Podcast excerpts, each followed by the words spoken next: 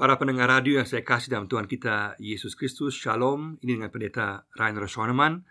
Pada saat ini kita akan merenungkan tema sukacita dalam Tuhan. Sukacita dalam Tuhan berdasarkan Filipi 4 ayat 4, Filipi 4 ayat 4. Bersukacitalah senantiasa dalam Tuhan.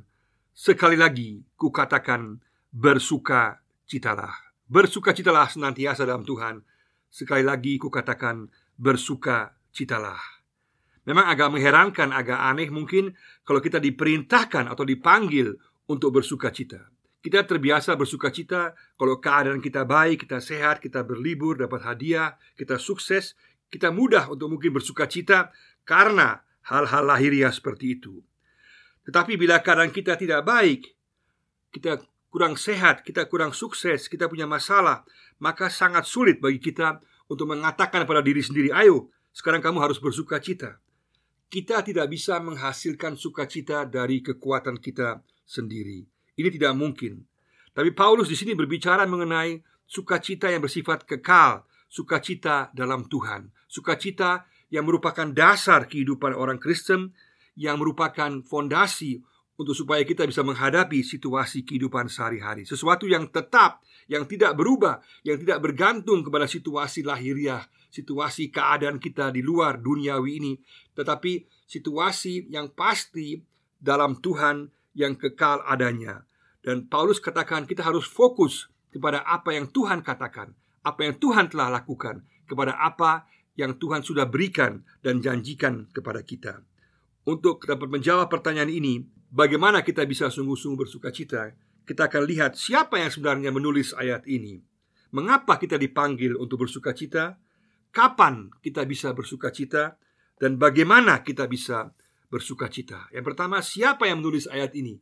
Mungkin kita pikir bahwa orang yang tulis ayat ini pasti orang yang optimis, orang yang keadaannya baik, yang situasinya sungguh-sungguh penuh dengan sukacita, di mana semua berhasil, semua sukses. Tetapi bukanlah demikian. Yang menulis ayat ini adalah Paulus yang berada dalam penjara, dalam tahanan, yang telah mengalami banyak sekali penderitaan, yang bahkan sedang menunggu hukuman mati yang akan dijatuhkan kepadanya. Situasi luarnya sama sekali tidak baik. Dia mengalami banyak penderitaan dalam kehidupannya, penganiayaan, didera, disesah, dilempari dengan batu, difitnah, dan juga perjalanannya diancam maut dan juga mengalami banyak sekali pukulan, lemparan, dahaga, kelaparan. Paulus sendiri mengalami banyak sekali penderitaan, tetapi meskipun dia telah mengalami penderitaan, tetap dia katakan bersukacitalah dalam Tuhan. Jadi pribadi yang menulis ini Paulus adalah orang yang sungguh-sungguh mengenal penderitaan sehingga dia juga mengenal dan juga dapat mengerti penderitaan yang kita alami. Dan meskipun demikian, sebelas kali Paulus dalam surat Filipi berbicara mengenai kata sukacita sebelas kali karena sukacita demikian penting baginya. Juga dalam pasal 3 ayat 1 Paulus mengatakan akhirnya saudara-saudaraku bersukacitalah di dalam Tuhan. Menuliskan hal ini lagi kepadamu tidaklah membosankan bagiku. Paulus menekankan sukacita sebagai ciri khas tanda orang Kristen dan ini sesuai juga dengan Injil kabar baik yang Yesus berikan. Dalam Injil Lukas kita melihat bahwa sukacita adalah ciri khas daripada Injil kabar baik yang diberikan oleh Yesus. Meskipun keadaan luar Paulus tidak baik, dia ditahan mengalami berbagai penderitaan dan kesulitan, dia tetap bersukacita dan dia pasti mempunyai alasan yang kuat mengapa dia tetap bersukacita. Itulah bagian yang kedua. Mengapa kita dipanggil untuk bersukacita? Apa dasarnya? Dan Paulus sangat jelas adalah Yesus Kristus. Karena sukacita yang kita miliki adalah dalam Kristus, di dalam Kristus. Dalam Kristus kita dipanggil untuk bersukacita karena pemberiannya, karena janji Tuhan bagi kehidupan kita. Jadi dasar sukacita kita bukan hal lahiriah, bukan materi, tetapi kasih karunia Allah. Karena janji Allah berlaku kekal untuk kita dan tidak berubah.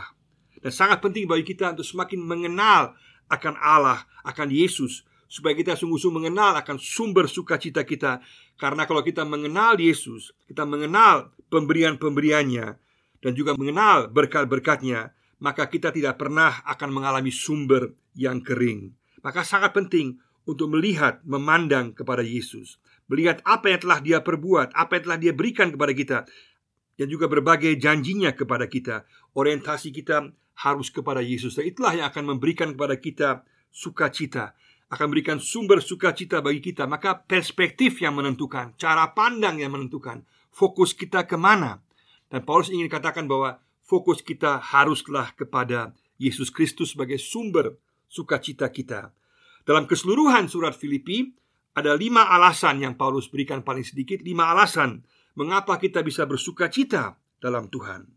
Yang pertama adalah kita dapat bersuka cita karena Yesuslah kebenaran kita. Karena Yesuslah kebenaran kita. Ditekankan oleh Paulus dalam Filipi pasal 3 ayatnya yang ke-9 di mana Paulus tekankan bahwa Kristus Yesus adalah kebenaran yang diberikan kepada kita di hadapan Allah karena iman kita.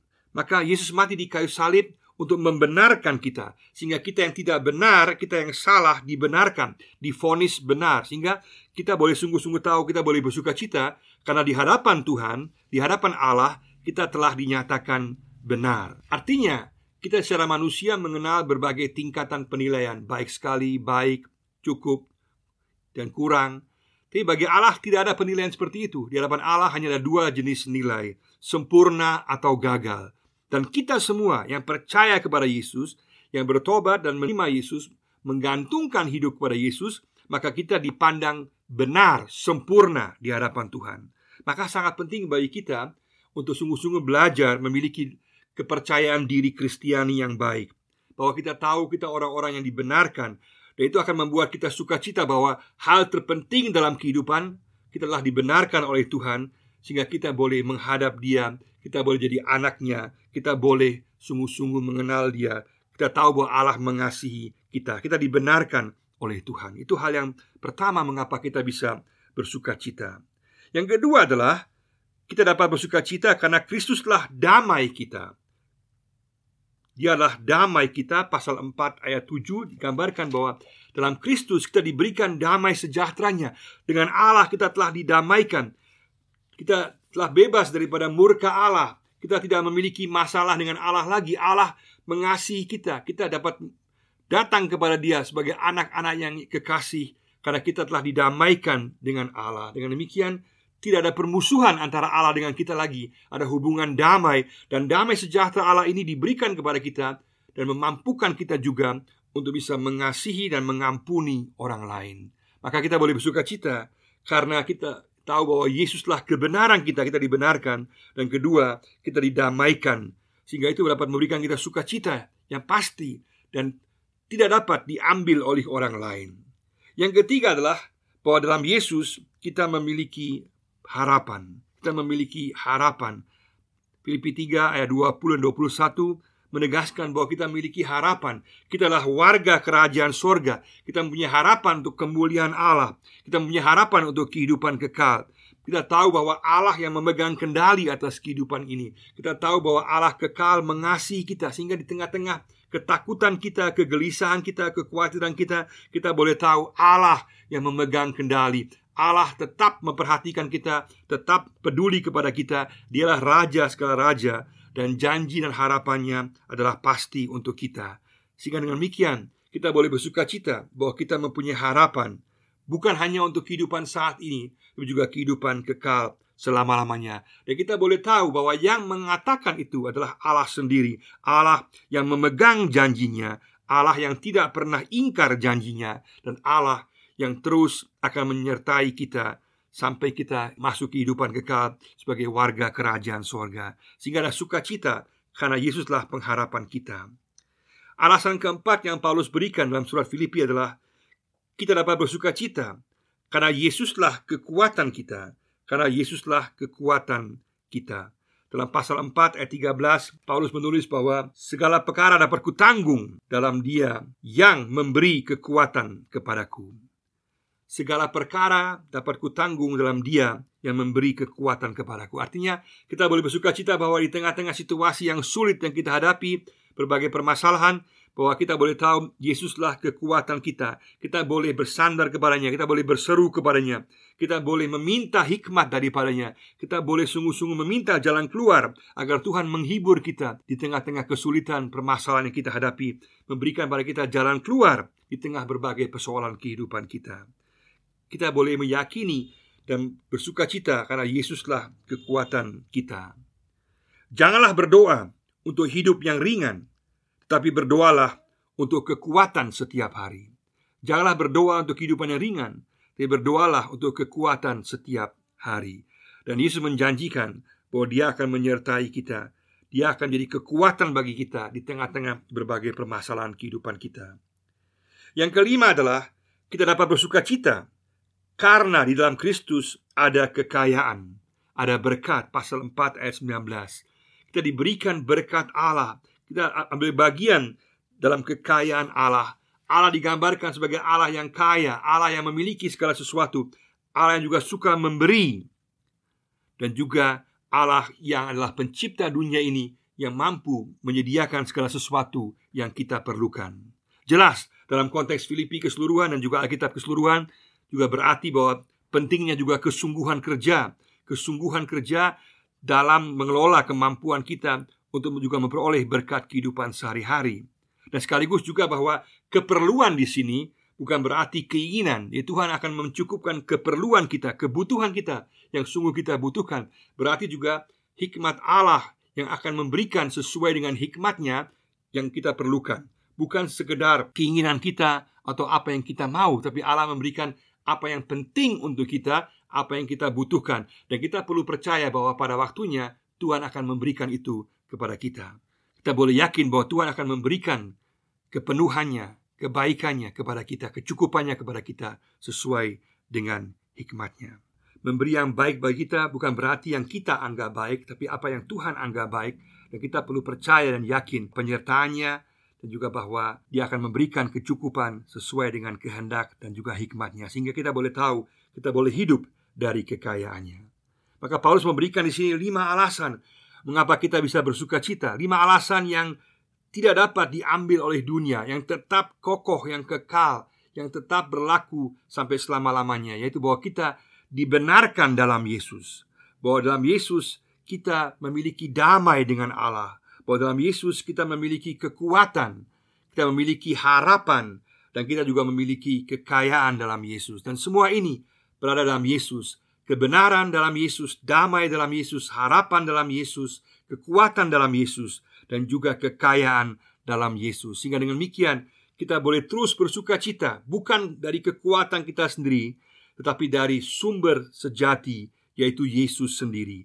Dan kalau kita fokus kepada Yesus, maka itu yang akan membuat kita bisa bersuka cita meskipun keadaan kita sulit, meskipun situasi kita tidak mudah, tapi kita boleh memandang kepadanya. Maka kita harus fokus kepada Yesus sebagai sumber daripada damai, kebenaran, kekuatan, harapan, dan kekayaan yang adalah dasar dalam Yesus sehingga kita bisa mengalami sukacita yang tidak diganggu gugat oleh keadaan apa pun juga. Yang ketiga adalah kapan kita bisa bersukacita? Kapan? Jawaban Paulus sangat jelas di sini, yaitu senantiasa.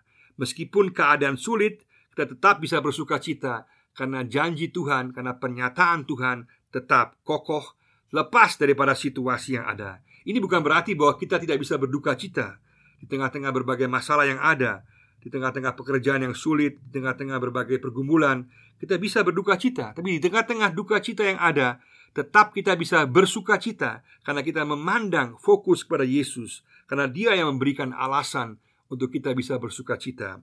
Maka perspektif yang benar menentukan sekali, pandangan yang benar, fokus yang benar menentukan. Sehingga itulah yang menjamin bahwa di tengah-tengah kesulitan permasalahan yang kita hadapi, tetap kita bisa bersuka cita karena kita memandang kepada Yesus dan juga apa yang tetap berlaku dan apa yang merupakan janjinya yang kekal abadi.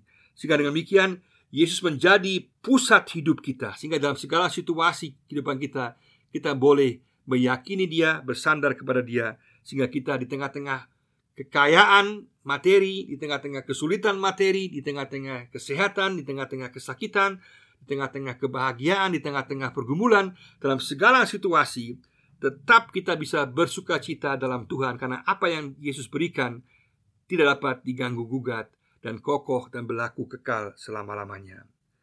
Dalam Amsal 30 ayat 8 dan 9, Agur mengingatkan kita, Agur yang bijaksana, supaya jangan kita meninggalkan Tuhan di tengah-tengah kesukaan. Dia katakan, "Jauhkanlah kekayaan daripadaku, supaya kalau aku kenyang, aku tidak menyangkalmu dan berkata, "Siapa Tuhan itu?" Ada bahaya besar bahwa kalau kita mengalami kebahagiaan, kita mengalami sukses, kekayaan, kita bisa meninggalkan Tuhan. Tapi juga di tengah-tengah duka, di tengah-tengah kesulitan, juga ada bahaya bahwa kita meninggalkan Tuhan. Di tengah-tengah suka atau duka, kita harus lihat bahwa bukan hal lahiriah yang menjadi fokus kita, tapi fokus kita adalah sumber sejati kita, sukacita kita adalah Yesus sendiri. Sehingga demikian, hal ini tetap berlaku kekal selama-lamanya. Maka sangat penting bahwa terus-menerus kita semakin memahami sumber sejati sukacita yaitu Yesus sendiri. Semakin kita mengenal Dia, semakin kita mengikut Dia dari tahun ke tahun, dari hari ke hari, kita akan semakin melihat bagaimana kebaikannya untuk kita, bagaimana kepeduliannya untuk kita, bagaimana kasihnya untuk kita, sehingga kita boleh mengalami sukacita dalam kehidupan kita. Karena Dia telah menolong kita di masa lalu, Dia juga akan menolong kita di masa sekarang dan juga di masa yang akan datang. Semakin kita mengikut Yesus, semakin memandang kepada Yesus, maka kita akan semakin bersuka cita karena Dia akan mengisi kita dengan sukacitanya, lepas daripada kondisi situasi yang sedang kita alami. Yang terakhir, keempat, bagaimana kita bisa bersuka cita? Bagaimana? Bagaimana dengan cara yaitu memuji Tuhan, menyembah Tuhan, memandang kepada Dia, mengucap syukur kepadanya. Dan kalau kita sungguh-sungguh menyembah Dia, maka kita akan diberkati dengan sukacitanya, dengan kekuatannya, dengan damainya, dengan kebenarannya, sehingga kita semua akan mengalami suatu sukacita dalam hati kita. Maka ini perlu suatu kehendak, suatu keputusan. Aku mau bersukacita dalam Tuhan. Aku bukan mau melihat keadaan situasi sekitar saya. Aku mau melihat kepada Yesus. Aku mau menyembah Dia. Aku mau mengisi hidup saya, pikiran saya dengan kebaikan Tuhan, dengan janjinya, dengan kepastian pemberiannya yang dapat memberikan sukacita yang pasti bagi saya.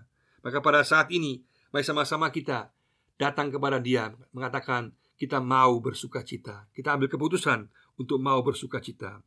Apa pun keadaan kita, kita mau bersukacita.